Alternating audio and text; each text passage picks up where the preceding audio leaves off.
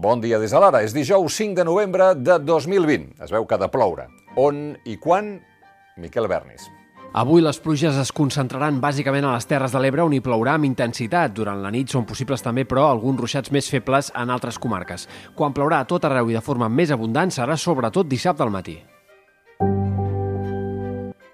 Joe Biden s'acosta a la Casa Blanca i Trump l'acusa de frau. Aquesta és la situació política. I aquesta que veuen ara és la situació electoral en aquests moments. Dels 270 vots electorals que calen per ser president, Biden ja en té 253, és molt a la vora. Trump en té 214. Biden ho té a tocar perquè ahir al vespre va guanyar al nord, Wisconsin i Michigan, els dos eh, en blau, tocant a Canadà. I si s'apunta a Nevada amb blau cel i Arizona també amb blau cel, eh, ja més cap al Pacífic a l'esquerra, eh, i això se sabrà avui o demà, ja podria dir que ha guanyat eh, les eleccions i, per tant, que serà el pròxim president dels Estats Units. Per això, ahir, a les 10 tocades de la nit, hora nostra, Biden va compareixer per dir això als americans. Amics meus, estic segur que sortirem guanyadors. Després d'una llarga nit de recompte, està clar que estem guanyant prou estats per arribar als 270 vots electorals que calen per aconseguir la presidència. No estic aquí per declarar que hem guanyat. Estic aquí per informar que quan acabi el recompte creiem que serem els guanyadors. Ara, mirin que curiós. Trump ha guanyat Ohio, ha guanyat a Florida, estats que sempre ballen i que tots els analistes diem que qui els guanya serà president. I segurament guanyarà un altre estat molt important que també ballava, Pensilvània, que Obama hi va anar dies i dies. Doncs bé, tot i guanyar aquests tres estats, si com sembla guanya Pensilvània perquè té avantatge, és probable que Trump hagi de marxar de la Casa Blanca. Això sí, després d'haver anunciat una batalla legal. Dies durs pels que fan enquestes, pels analistes polítics i per les facultats de ciències polítiques. No us perdeu els articles d'Andreu Mascolell, Laia Balcells, Carme Colomina i Josep Ramoneda sobre la qüestió.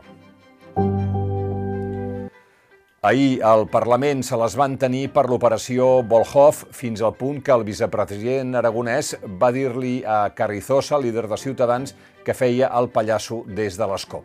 Però la gran preocupació és el virus, perquè estem tornant a sortir del pou. I ara fixin-se en aquest requadret amb aquestes dades perquè són molt entenedores, perquè tornessin a obrir els bars i no ens eh, confisessin els caps de setmana. Hi ha tres indicadors que haurien d'estar en verd i d'aquests tres ara només en tenim un en verd, que és el de dalt de tot.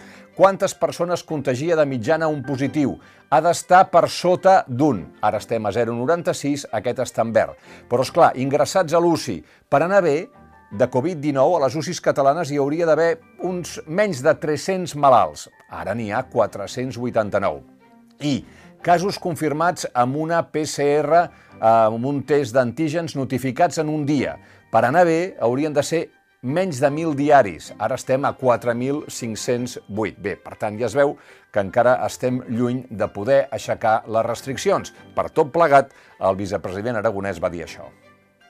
Estic convençut que l'esforç col·lectiu associat a les mesures donarà el seu fruit, que l'estratègia continuarà funcionant i que quan els indicadors ens ho permetin podrem anar flexibilitzant les mesures restrictives de forma molt progressiva perquè l'experiència ens diu que les desescalades ràpides no donen un resultat òptim. Pensin que aquesta millora de la situació és just ara quan es compleixen 20 dies de les restriccions eh, de bars i restaurants. És a dir, que aquestes coses, com deia Aragonès, fan el seu efecte al cap d'unes setmanes. En canvi, el que s'enfila és l'atur. Mirin la gràfica, la línia vermella és l'atur, a l'esquerra l'atur al mes de març, 395.000, ara gairebé 100.000 més a l'octubre, 484.000. I la línia blava són les contractacions, que ja es veu també que han baixat. A l'octubre es van signar un 31% menys de contractacions que el mateix mes, el mes d'octubre de l'any passat. De les targetes opaques descobertes eh, del rei Joan Carles i Sofia, que va divulgar eh, el diario.es, deu pintar malament per la corona. Ens ho fa veure l'Àlex Gutiérrez al Pareu Màquines. Resulta que l'ABC, diari monàrquic de tota la vida, ha deixat caure Joan Carles, dient coses com ara sospiten que un coronel de l'exèrcit de l'aire pagava esdeveniments familiars de Joan Carles per ocultar a Hisenda les donacions d'amics.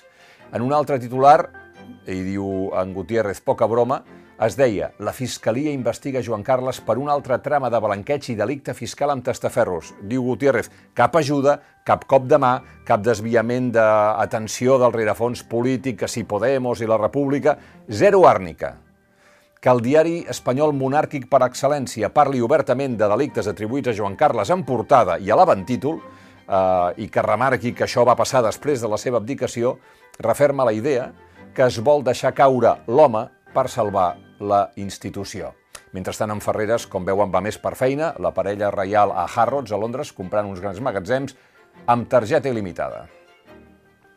I per cert, se'n recorden de Daniel de Alfonso, el jutge que era cap de l'oficina antifrau, el de Les hemos destrozado el sistema sanitario, en la conversa amb Jorge Fernández Díaz, doncs resulta que una auditoria de la Sindicatura de Comptes alerta que de Alfonso hauria cobrat gairebé 300.000 euros indegudament entre els anys 11 i 16.